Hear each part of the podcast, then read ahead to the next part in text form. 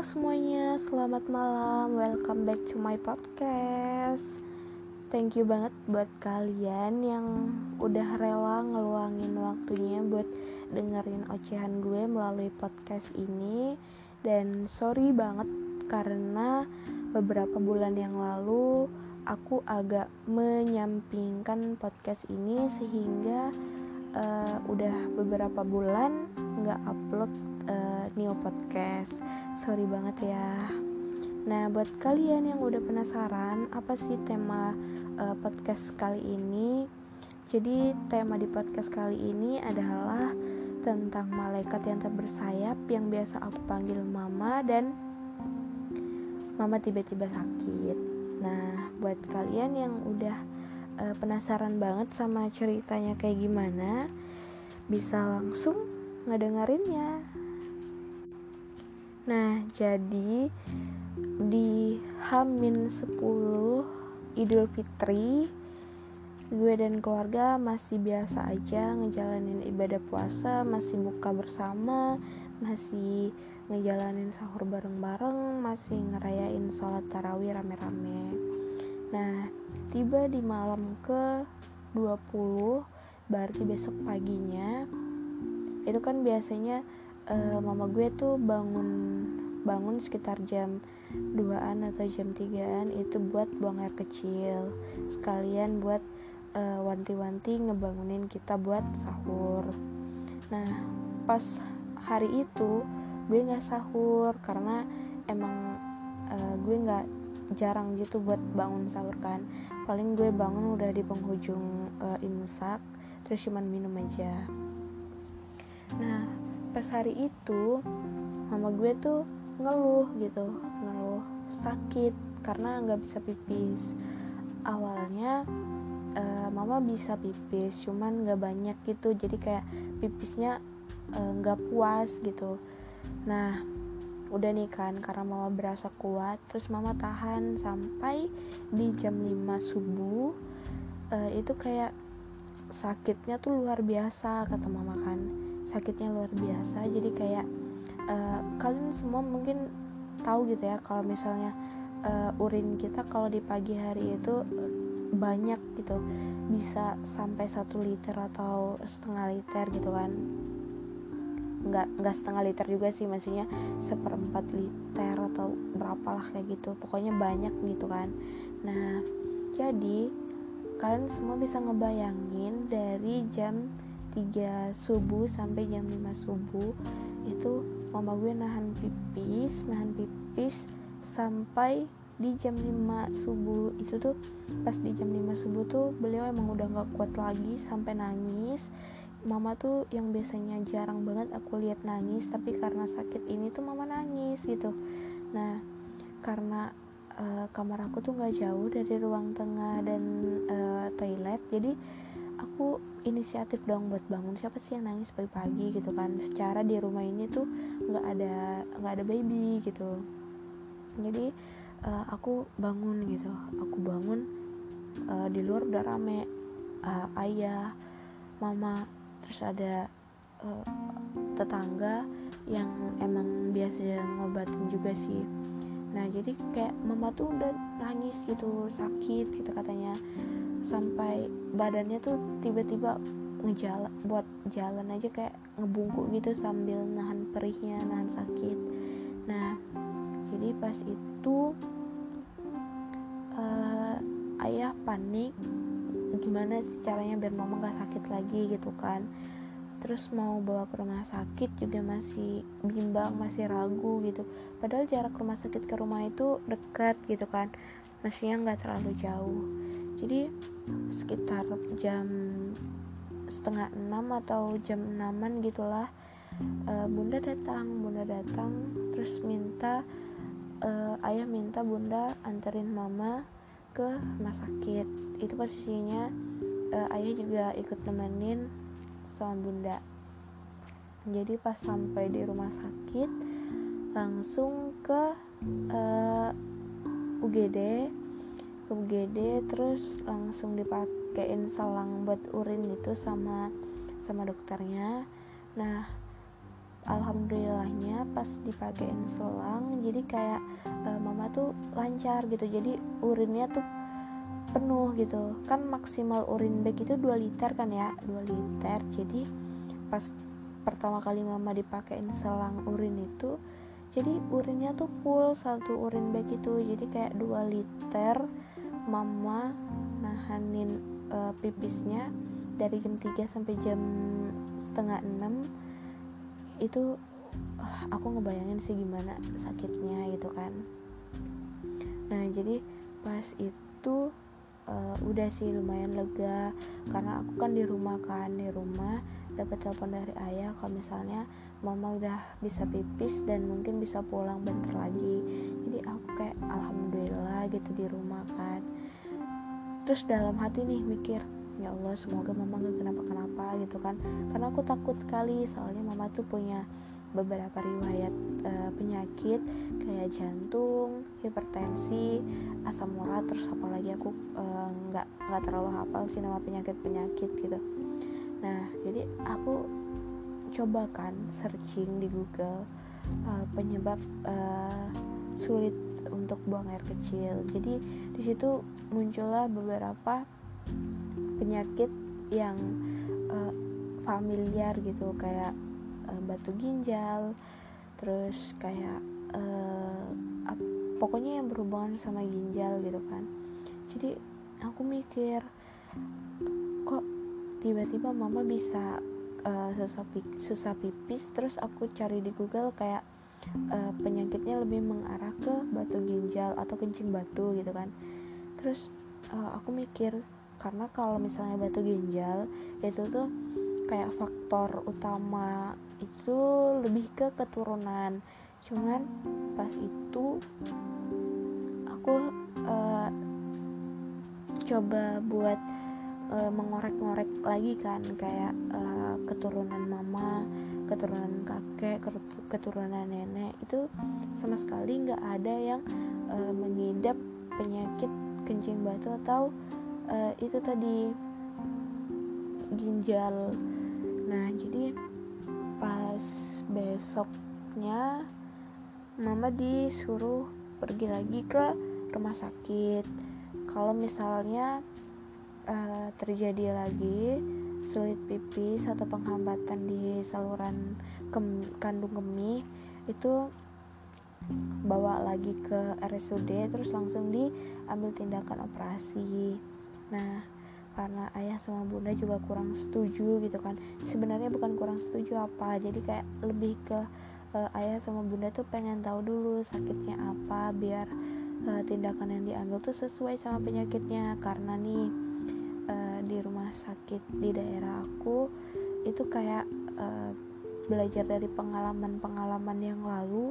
Aku nih yang sebelum difonis punya asam lambung dan sakit mah terus berobat ke RSUD terus tiba-tiba difonisnya kena ini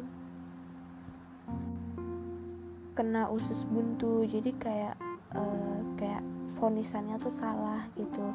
Dan aku juga kemarin hampir mau dioperasi uh, pengangkatan usus buntu. Cuman karena uh, aku nggak nggak yakin gitu kalau misalnya aku usus buntu. Jadi aku lebih jaga pola makan untuk tahan dulu nggak makan yang pedas-pedas yang berminyakan yang santan-santan yang berlemak gitu. Aku tahan dulu. Nah alhasil aku ke klinik dan ternyata benar itu bukan usus buntu. Kalian bisa ngebayangin lah kalau misalnya pas itu uh, aku nggak bijak terus orang tua aku juga nggak bijak mungkin aku udah operasi yang mana aku operasinya itu bukan penyakit aku gitu. Nah pas tiga hari mama pakai selang itu nggak ada reaksi apa apa maksudnya bisa pipis terus nggak ada rasa ngilu nggak ada nggak ada hal-hal aneh juga yang keluar dari urinnya mama. Biasanya kan kalau misalnya kencing batu itu kayak ada butiran-butiran gitu yang keluar dari urin. Nah tapi pas itu emang nggak ada. Kayak urin mama tuh emang pure gitu bersih nggak ada apa-apa. Darah pun nggak ada gitu. Nah jadi pas besoknya hari Senin mama ke rumah sakit lagi disuruh ke poli uh, penyakit dalam. Terus pas di poli penyakit dalam dapat rujukan buat ke uh, poli bedah poli bedah. Terus pas di poli bedah nih dapat sedikit kabar yang tidak menyenangkan. Karena mama difonis dapat uh, penyakit itu namanya tumor rahim atau yang biasanya disebut kanker kanker rahim gitu. Nah jadi uh, dokter yang di bagian poli bedah itu menyarankan untuk operasi pengangkatan rahim. Nah jadi kak pas pulang rumah kan mama nih punya hipertensi kan. Kalau hipertensi itu kan nggak boleh dibawa pikir gitu nggak boleh stres nggak boleh apa segala macam. Jadi gara-gara difonis sama dokter uh, bedah katanya tumor rahim nah jadi pas itu juga kayak uh, hipertensi mama naik terus asam uratnya juga kambuh. Pokoknya semuanya tuh naik gitu gara-gara fonisan dokter yang katanya tumor rahim nah semalaman mama gak makan semalaman mama tidur gak nyenyak sampai dikasih obat tidur pun gak mempan gitu. Padahal obat tidurnya udah dikasih sama dokter yang dosis tinggi. Tapi mama juga gak bisa tidur gitu. Maksudnya kan kasih obat tidur kan biar uh, lebih tenang gitu bisa merilekskan uh, pikiran-pikirannya biar nggak terlalu dibawa pikir. Tapi enggak. Sama sekali nggak ada reaksi uh, dari mama pas minum obat tidur itu. Terus aku nih nggak percaya kan kalau misalnya mama dapat uh, tumor rahim dapat tumor rahim. Sedangkan uh, mama juga melahirkan cuma sekali cuman aku aja karena aku anak tunggal. Jadi mama cuma melahirkan sekali. Terus juga kalau dilihat dari riwayat keturunan uh, saudara-saudara mama mamanya mama juga nggak ada uh, riwayat tentang kanker gitu. Jadi kayak aku heran gitu kenapa bisa ya dokter ngefonisnya uh, kanker. Tapi aku sampai cari gitu kan di di apa di Google sampai belajar kayak ilmu kedokteran yang tentang bedah-bedah terus yang tentang uh, kanker rahim itu apa aja kanker ovarium. Nah itu aku belajar tentang itu aku baca-baca. Ternyata kayak uh, itu tuh bisa dibilang salah satu hal yang menyebabkan uh, orang-orang di Indonesia uh, angka kematiannya tuh meningkat gara-gara kanker itu terutama perempuan. Jadi kayak kanker itu tuh pengidapnya perempuan lebih banyak. Emang sih kan kanker rahim ya namanya juga kanker rahim ya pasti perempuan gitu kan. Nah jadi karena uh, bunda sama aku juga kayak ah nggak mungkin lah mama kena kanker gitu kan. Jadi uh, aku ngerujukin mama buat cobalah besok mama sama bunda pergi lagi ke RSUD kataku kan. Pas itu tuh uh, kayak jadwalnya tuh bingung gitu.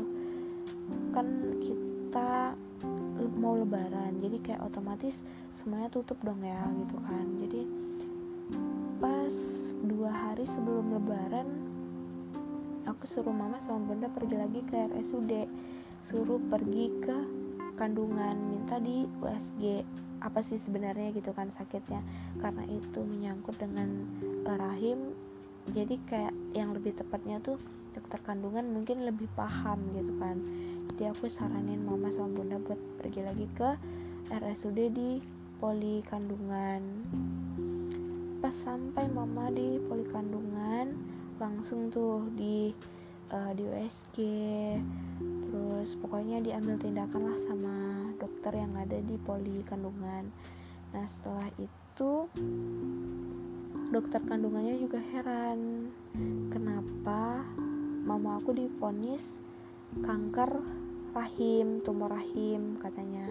Jadi kayak uh, dokter yang di kandungan itu nggak percaya gitu kenapa secepat itu dokter bedah bisa uh, ngasih tahu ke pasiennya kalau misalnya pasiennya mengidap uh, kanker ovarium itu. Jadi mama aku mungkin sedikit lega pas itu ya karena aku uh, nggak ngedampingin mama pas di rumah sakit. Jadi mungkin mama agak sedikit lega kayak alhamdulillah gitu emang bukan kanker kan. Jadi pas pulang rumah wajah mama tuh kayak wah berseri-seri gitu. Kenapa nih mama gitu kan? Kayaknya riang kali. Aku udah mikirnya udah uh, negatif-negatif gitu. Karena emang nggak bisa bawaannya emang udah kayak gitu gitu kan. Karena uh, yang pasti khawatir sih khawatir terus takut gitu kan. Nah jadi pas mama cerita alhamdulillah mama nggak bukan kanker itu kata mama kan. Jadi aku langsung bilang alhamdulillah. Jadi apa mah sakitnya aku bilang.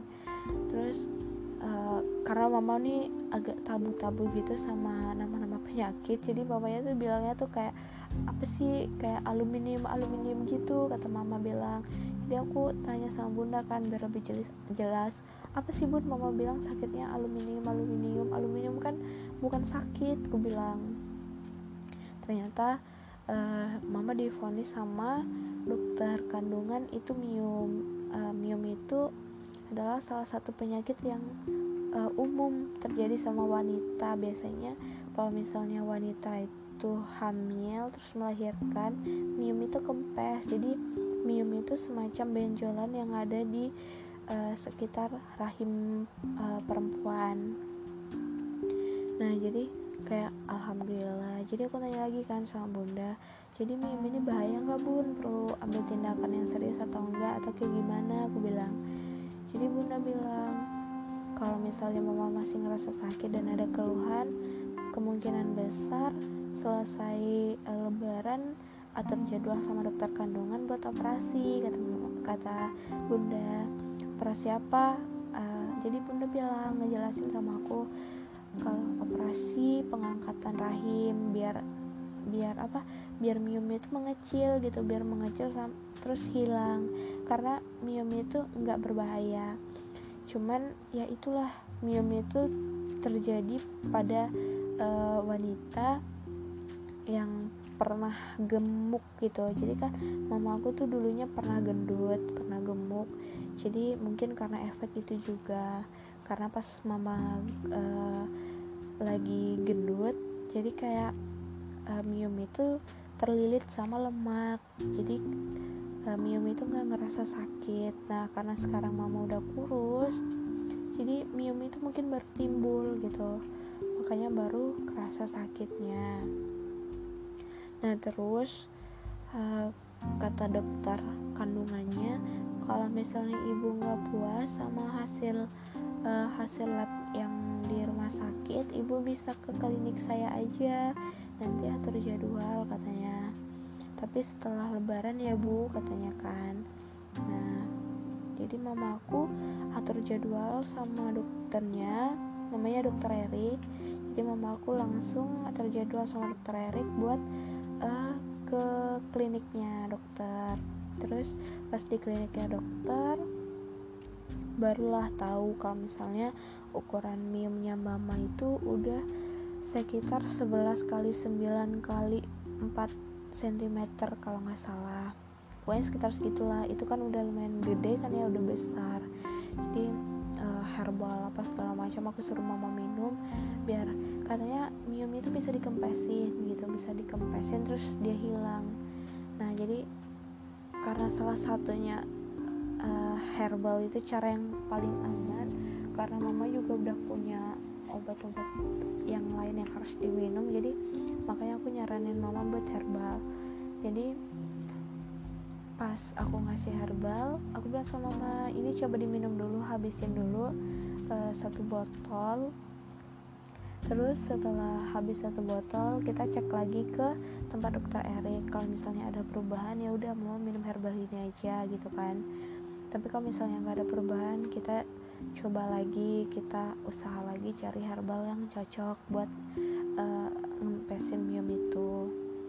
Nah karena sampai sekarang juga karena obatnya itu satu botol banyak isinya sekitar 100 kaplet jadi sampai sekarang masih ada masih ada obatnya.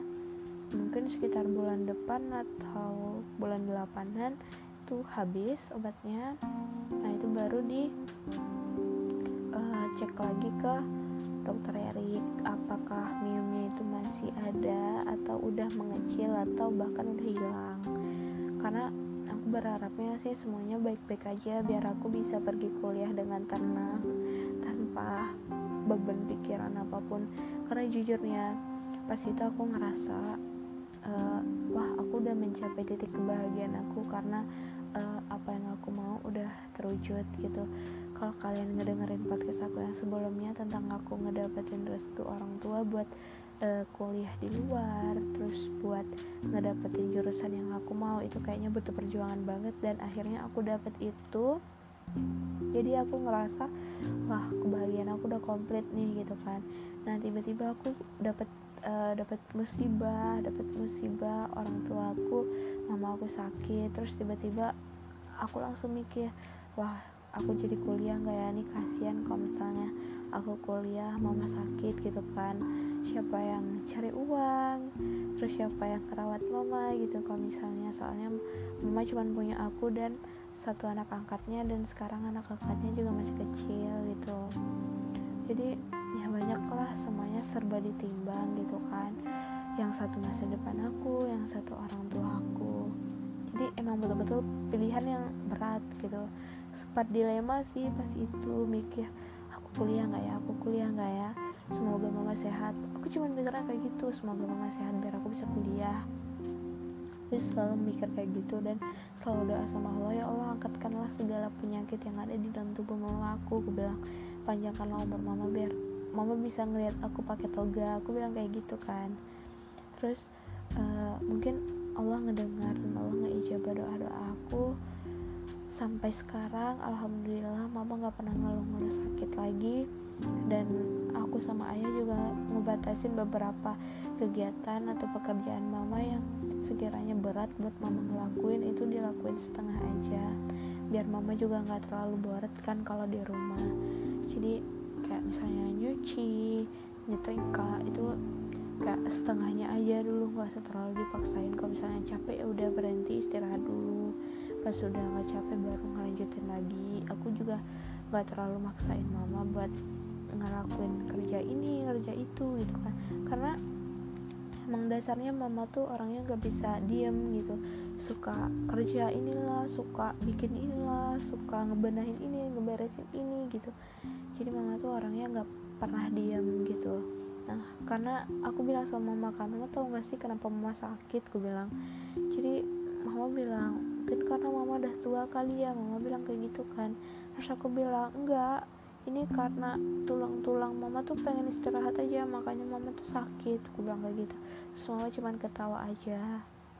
Cuman kayak dari situ tuh aku kurang serak sama uh, dokter bedahnya karena harusnya seorang dokter itu lebih bijak dalam mengambil sebuah keputusan.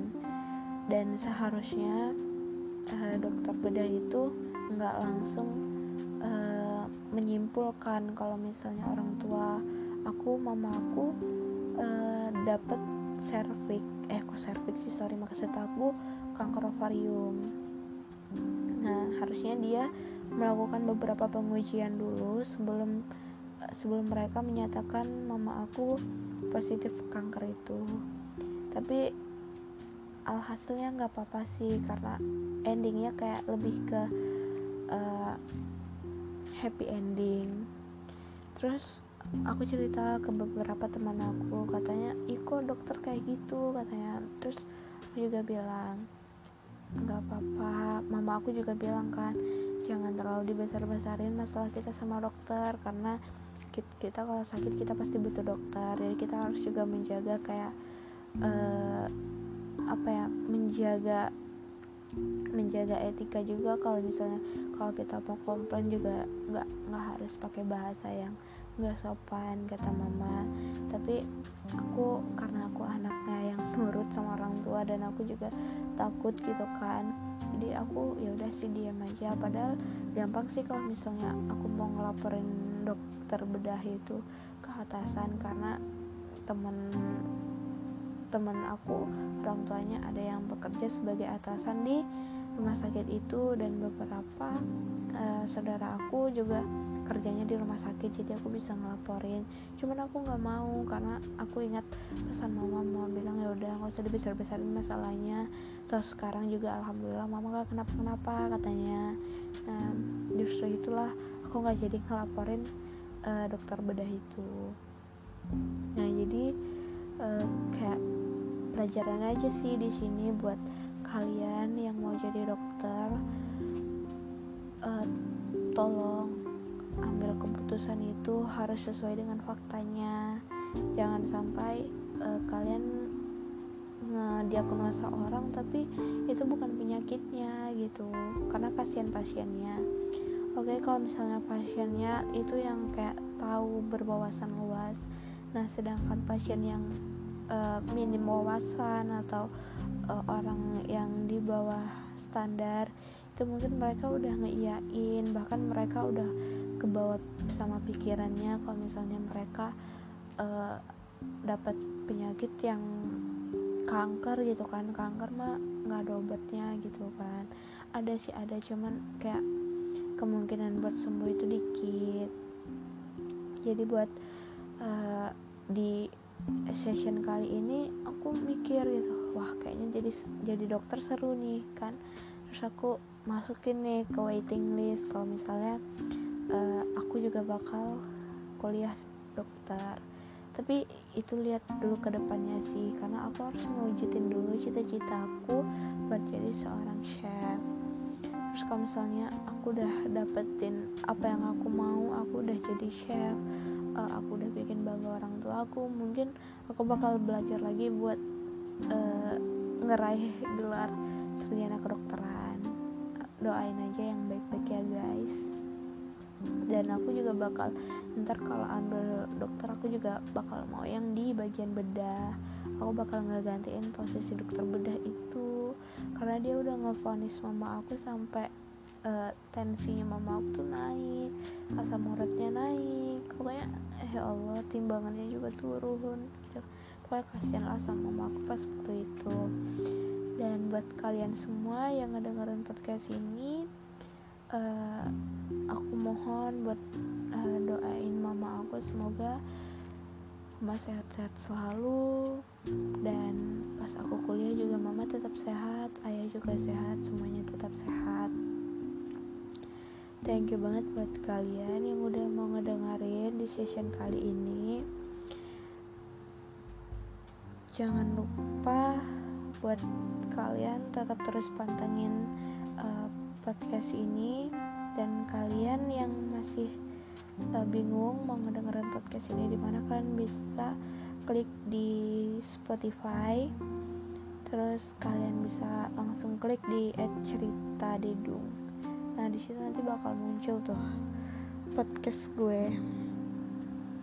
Terus uh, aku juga mau bilang buat kalian jangan lupa istirahat tetap jaga kesehatan tetap jaga protokol kesehatan supaya kita sama-sama terhindar dari uh, eh, COVID-19 dan semoga pandemi segera berakhir agar kita bisa beraktivitas seperti semula tanpa uh, ada hambatan apa pun. Thank you buat kalian yang udah mau dengerin podcast aku. See you.